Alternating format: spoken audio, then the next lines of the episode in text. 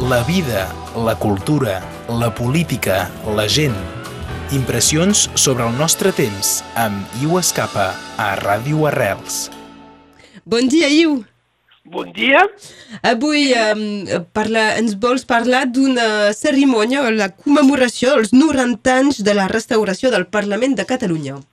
Sí, que va, que, que, que va ser ahir, el 13 de desembre, eh, hi va haver una sessió solemne al, al Parlament de, de, de Catalunya amb motiu del, del, del 90 aniversari del discurs inaugural de Francesc Macià el 6 de desembre de, de, de 32, després, evidentment, de la victòria de la República, de la Segona República Espanyola, i de, de l'obtenció d'una voluntat d'un estatut d'autonomia, eh, de restauració també d'un estatut d'autonomia a Catalunya.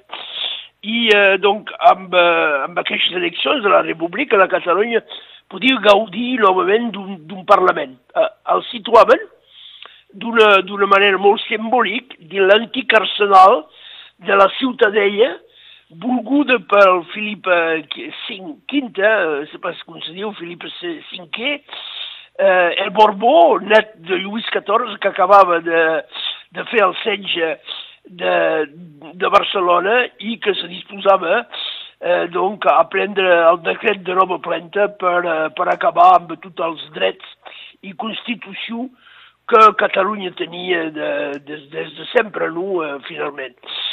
I eh, donc aquesta citadel que, que seria derrocada al segle XIX per fer, eh, per, per servir d'espai a l'exposició universal de 1888 que faria entrar a Barcelona dins de les grans ciutats d'Europa. Donc, és pas neutre si el Parlament de, de Catalunya és aquí, Eh, en aquest moment tenia 86 diputats, ara en té 135.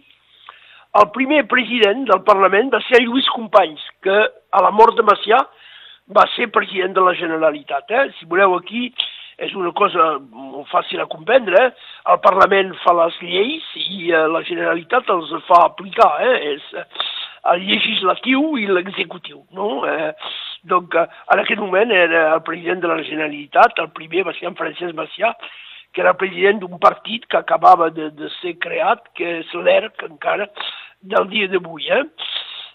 L'origen del Parlament català és molt antic, perquè es pot parlar des del, del, segle, del segle XI, eh, a les afores de, de l'any 1000, eh, amb les, les assemblades de pau i treva promogudes per l'abat Oliva que era, que era això, eh?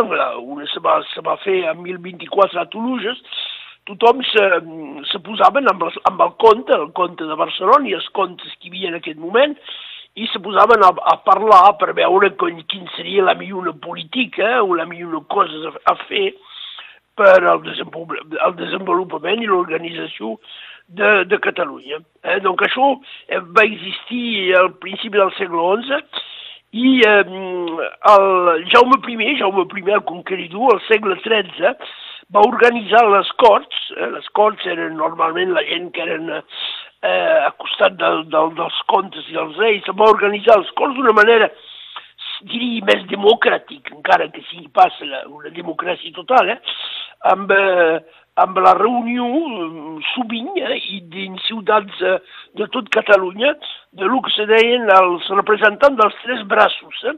el braço eclesiàstic, el braço militar i el braço real, que era el, el representant de les viles eh, reals de Catalunya, que, que, que possia el rei. Això, això va, va jugar un paper molt important, eh? perquè els contes i els reis d'Aragó tenien, tenien pas la possibilitat de fer, eh, com serà més tard a França, un poder absolut, eh? és evident. I això també agradava poc, sempre, m'agradava poc al, al poder de, de Castilla, que cada vegada més anava més la voluntat d'un poder absolut.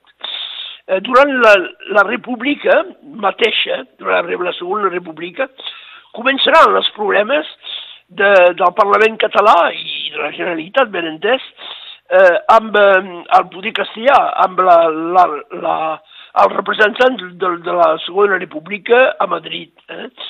perquè hi ha una voluntat ben entès eh, del Parlament català de tenir una autonomia cada vegada més gran, i en Francesc Macià i en Lluís Companys fan propostes d'un estat federal, eh, de proposar una Espanya federal i eh, una autonomia de la Catalunya dintre d'aquest espai federal, i això és eh, totalment eh, rebutjat per, eh, eh, pels Corts eh, a Madrid, i això s'acabarà hasta eh, al moment on Lluís Companys, eh, després de la mort d'en Macià, és president de la Generalitat i que fa aquesta proclamació, és arrestat i empresonat amb els consellers. Eh? És en abril 34, en plena república. Això es passa ni a dels temps d'en Franco ni dels temps dels reis. Eh? Era en plena república, és arrestat pel, per, la, per la policia espanyola, si voleu. Eh? eh, amb el, en 36, amb la victòria del Front, del Front Popular, són amnistiats i eh, alliberats. Eh, S'acaba això, mm, fins en 39, quan en Franco, eh, la victòria d'en Franco posa totalment fi a lo que era el Parlament i a, i a la Generalitat eh, ben entès. Però el Parlament, com la Generalitat, quedaran a l'exili, funcionant d'una manera més o menys important, no? Però hi haurà eh, de, de, de 39 fins a, a l'any 80 eh, hi ve un Parlament a l'exili amb, per exemple, Josep Irlà, que ha estat un president, Antoni Rovira, Manuel Serra, i fins l'any l'any 80, quan el darrer president del Parlament a l'exili el darrer, en aquest moment, eh, perquè n'hi ha d'altres ara, eh? Sí, sí. Quan Francesc, eh, que se deia Francesc Fareres, que era exiliat a Mèxic, al Mèxic, jo el vaig, eh, el vaig veure que això, hi era ja als anys 90, i també, i eh, passa, la, passa el càrrec a Heribert Barrera, que ha estat el primer president de la transició, després de la transició democràtica, aquesta vegada a Barcelona, no?, amb la restauració del, eh, del Parlament. Ara, eh, ara hi ha 135 eh, diputats amb una manera de llegir que es passa, que es passa canviar la mateixa que a França, eh, perquè són llistes per circunscripcions. Eh, això fa que, que té quatre circunscripcions, la circunscripció de Barcelona té 85 diputats, la de Girona 17, la de Lleida 15, la de Tarragona 18 i amb les diverses llistes hi ha una proporcionalitat eh, eh, per circunscripcions. Eh? Voilà, vet aquí. Eh, donc, eh, per exemple, el Parlament va tenir un paper capdalt, i és normal, eh? al moment de, de, de declarar la, la, la voluntat de fer un referèndum. Eh? Això va començar en 2015, quan eh, al Parlament hi ha una majoria independentista. Eh, 72 diputats sobre 135 són favorables a, eh, a, a fer una proposta de referèndum per veure si el poble català vol s'independitzar de l'Espanya. La presidenta era el Carme Forcadell, d'Esquerra Republicana, eh? ben entès. Van fer una, una proposta, si voleu, per, eh, per veure si el Parlament era d'acord, el Parlament ha estat d'acord. Això cada vegada va ser rebutjat pel Tribunal Constitucional, dient es pas, teniu pas la possibilitat de, de fer aquestes lleis, i aquí sem el cor del problema, no?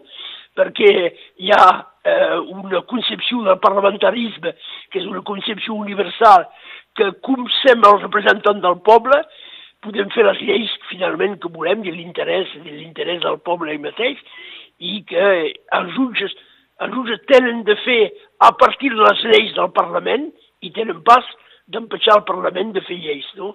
Això és el cor de la, de la, de la diplomàcia, sempre una lluita. Això estem lluny encara d'aquest ideal democràtic, sobretot a Catalunya, ben entès, eh?